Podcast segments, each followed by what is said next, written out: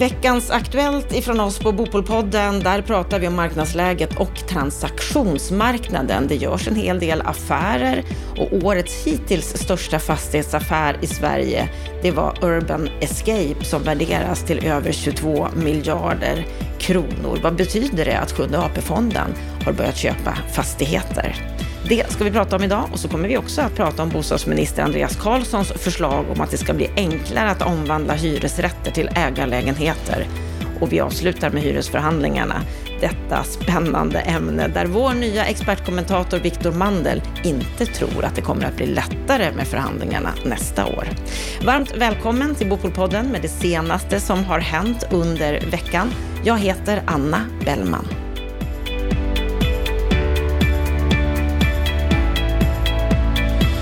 Och vi börjar veckans Aktuellt med att presentera en ny expertkommentator som är VD på Svea Fastigheter och ordförande för Bopol AB, där Bopolpodden ingår. Och du, Viktor Mandel var ju med också i Bopolpodden, avsnitt 179 för ungefär en månad sedan. Hur känns det att vara expertkommentator nu? Ja, men det blir spännande att se vad man kan bidra med här. Jag funderar ju mycket på de här frågorna, så att du får se. Ja, det hoppas jag att du gör, för nu ska vi prata mycket fastigheter och vi måste ju börja med att säga då att Svea Fastigheter, där du då är vd, ägs till hälften av SBB och det har ju varit en hel del dramatik kring SBB senaste tiden här. Har du någon reflektion som du kan dela med dig av? Det har ju varit extremt turbulent här under, under den sista tiden och, och egentligen under det senaste året, men även under de sista par veckorna här så har det ju varit väldigt, väldigt eh, oroligt får man väl säga. Och, och aktiekursen har gått upp och ner och, och förtroendet för bolaget har ju, har ju sjunkit rätt kraftigt.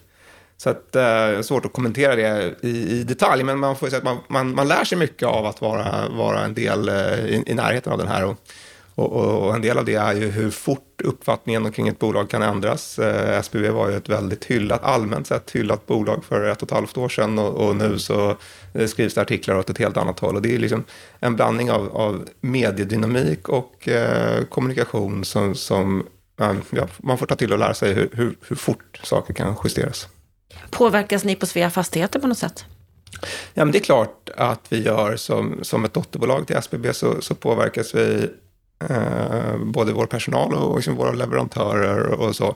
Samtidigt så har ju SBB kommunicerat att Svea Fastigheter antagligen ska, ska säljas eller, eller SBB ska minska sitt engagemang i alla fall. Och det kanske påverkar mer, men det är ju rena ägarfrågor som, som inte påverkar vår vardag på det sättet, utan eh, vi eh, förvaltar bostäder och, och bygger nya hus ungefär som vanligt.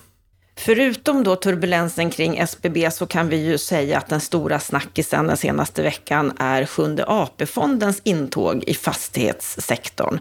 De gjorde för några dagar sedan här sitt största fastighetsförvärv, en stor affär med AMF. De köper en tredjedel av Urban Escape i centrala Stockholm, där AMF finns kvar och äger två tredjedelar. Och det här är årets hittills största fastighetsaffär i vårt land. Hela Urban Escape värderas till 22,2 miljarder kronor, vilket är precis på det bokförda värdet. Vad säger du om den här affären?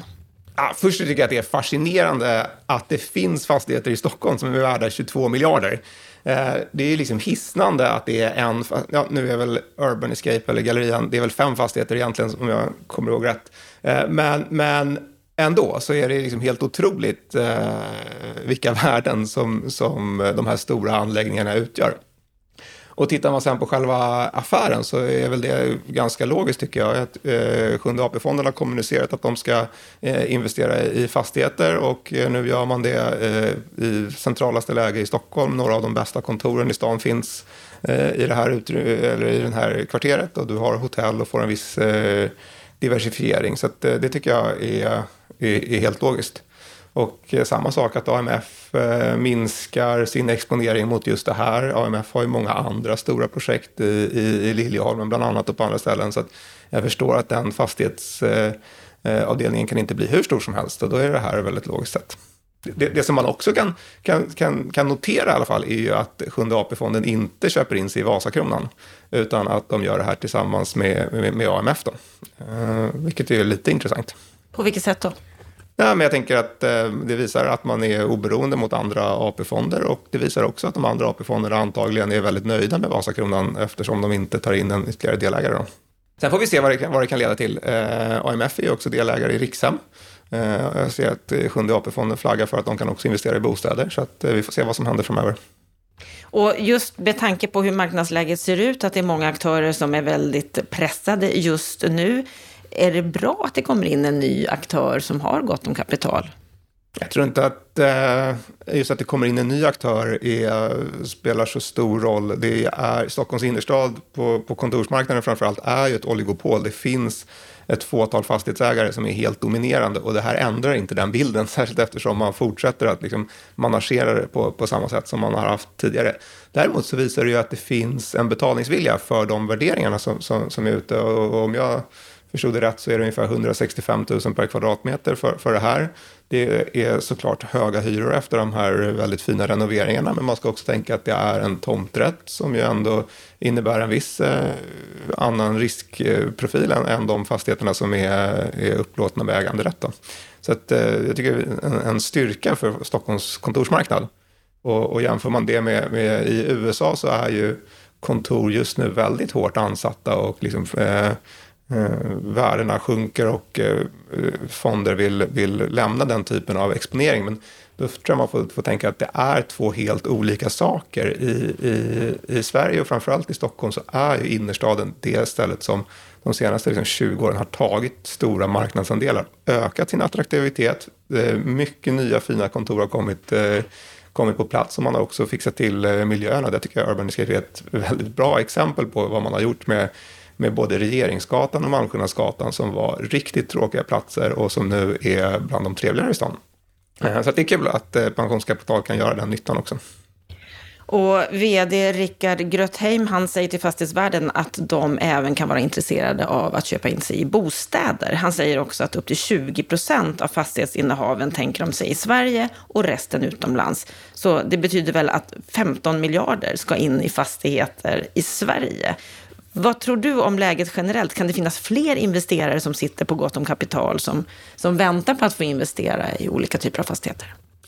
Ja, men det tror jag är helt uppenbart att, att så är fallet. Jag tror kanske inte att svenska institutioner är de eh, stora investerarna i de närmaste åren. Men, men det finns såklart fastighetsfonder som har varit ganska passiva eh, på investeringssidan de sista åren, men har tagit in mycket kapital. Så att där är, är min uppfattning att det finns eh, många som väntar på, på intressanta lägen. Eh, och, och, det börjar kanske dyka upp nu då. Eh, på samma sätt så tror jag att det finns utländska investerare som tycker att, eh, att den svenska marknaden är väldigt intressant just nu. Så att, och det tycker jag vi ser att det det, de eh, affärer som, som behöver ske och som har lite volym och liksom signifikans, de verkar kunna gå att göra. Mm, samtidigt då som AMF Fastigheter minskar sitt innehav i Urban Escape så har de ökat sitt innehav i bostadsutvecklaren JM. Här var SBB tidigare huvudägare, men de sålde nästan hela sitt innehav i förra veckan. Och AMF de köpte en knapp femtedel av SBBs post och nu är de alltså största ägare i JM, ungefär 19 procent av aktierna.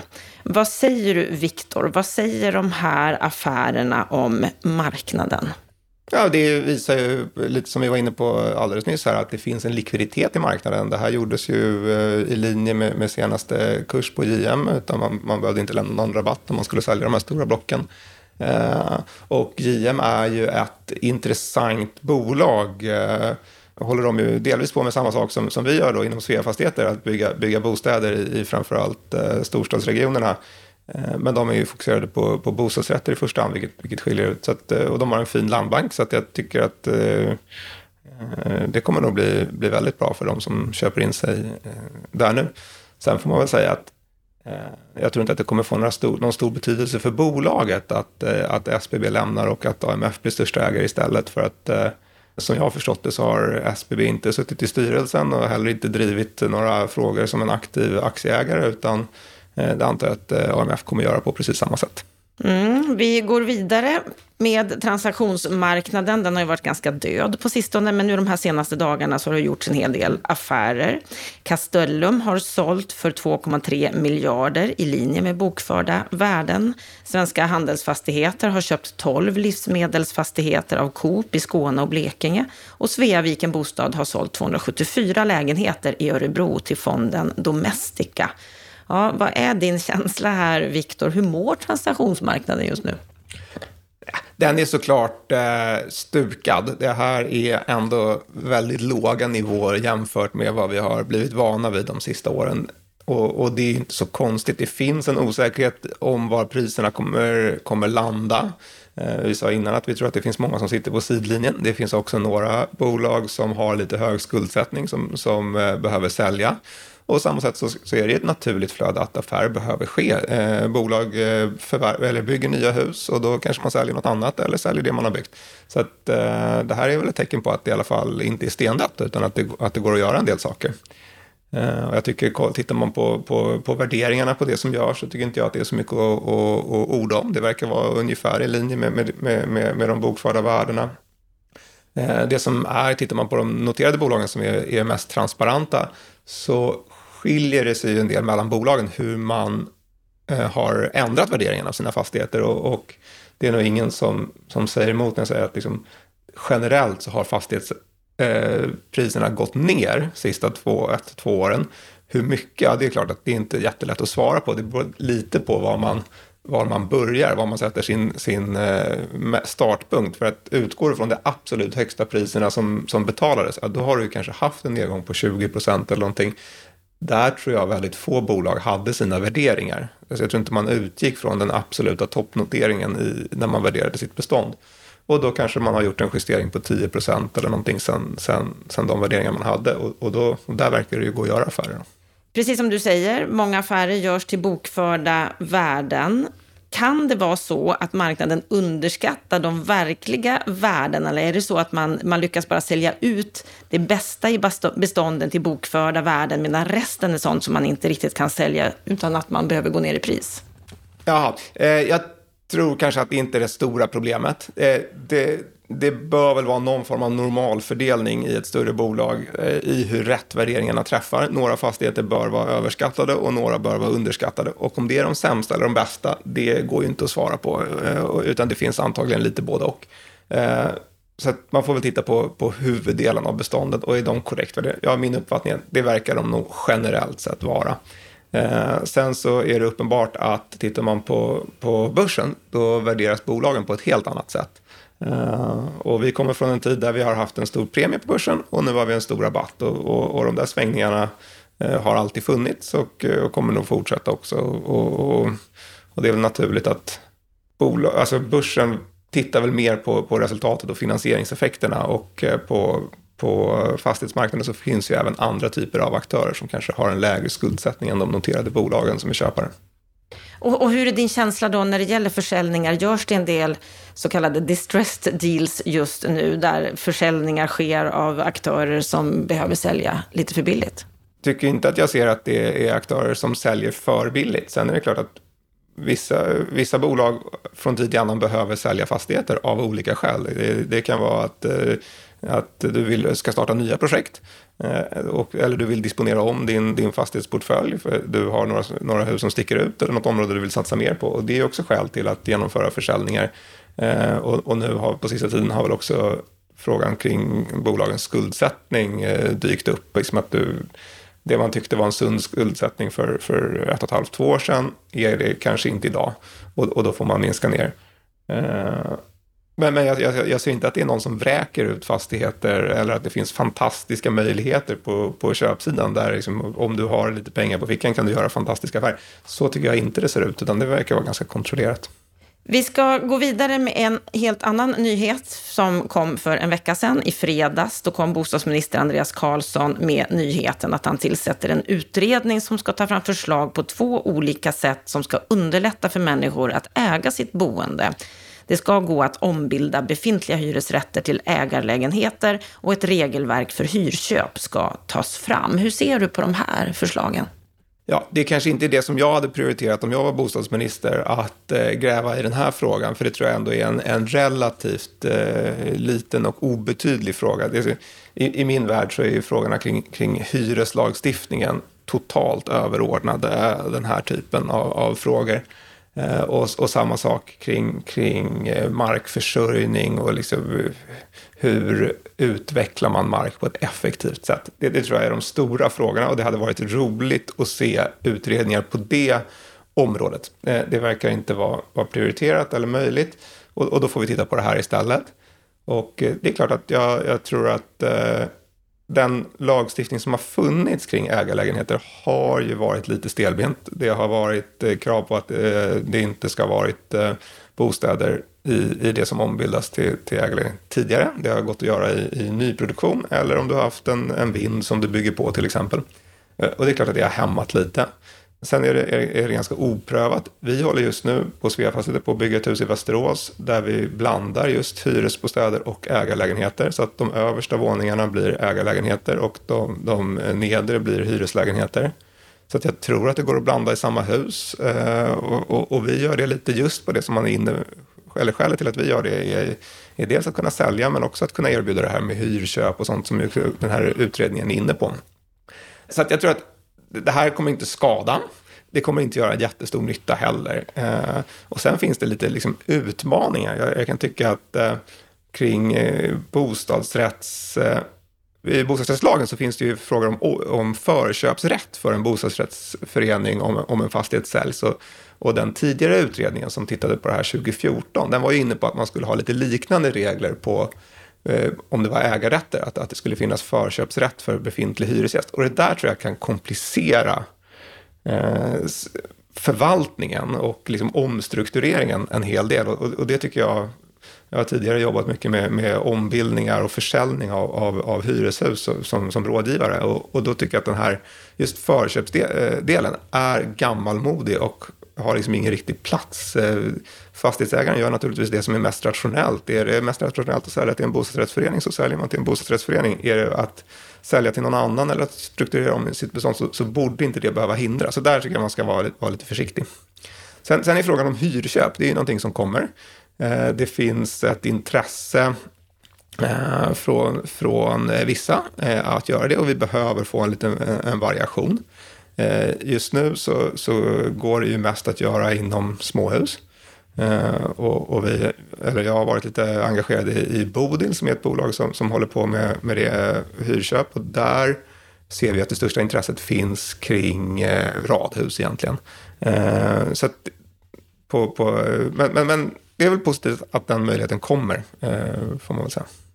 Men det är inte de här frågorna du tycker att bostadsministern borde fokusera på. Vad hade du velat se egentligen? Nej, men jag hade velat se att man tittade igen på det här med, med, med en friare hyressättning, friare hyresförhandling. Jag tycker när jag läser direktiven till den här utredningen så, så är man lite fast i frågan kring att varierat ägande är det som eh, skapar trivsel i ett bostadsområde.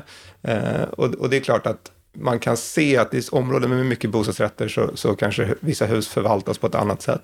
Men det är också så att variationen i kvalitet på hyresrätter eh, är också positiv för, för, för ett område. Och eh, hyresrättsförvaltare, jag tycker det finns många som gör ett väldigt stort jobb som privata eh, ägare av, av eh, ägarlägenheter eller bostadsrättsföreningar inte riktigt mäktar med. Fastighetsbolagen kan ta ett annat ansvar och, och då tycker jag att det är kanske inte optimalt att eh, öka på möjligheterna för, för den här eh, uppblandningen av ägarformer ännu mer. Och om vi då ska avsluta veckans Aktuellt här med just den frågan du hade hoppats att regeringen skulle engagera sig mer i, nämligen hyressättningssystemet. Där kan vi konstatera nu att 82 procent av hyrorna är nu färdigförhandlade. Och Hyresgästföreningens Erik Elmgren, han säger bland annat så här, att vi tror att förhandlingarna kommer att gå lättare nästa år. Vi sjösatte en ny modell, trepartsmodellen, tillsammans med fastighetsägarna och Sveriges allmännytta och det var tufft år att göra det. Det har han också tidigare berättat här i våran podd.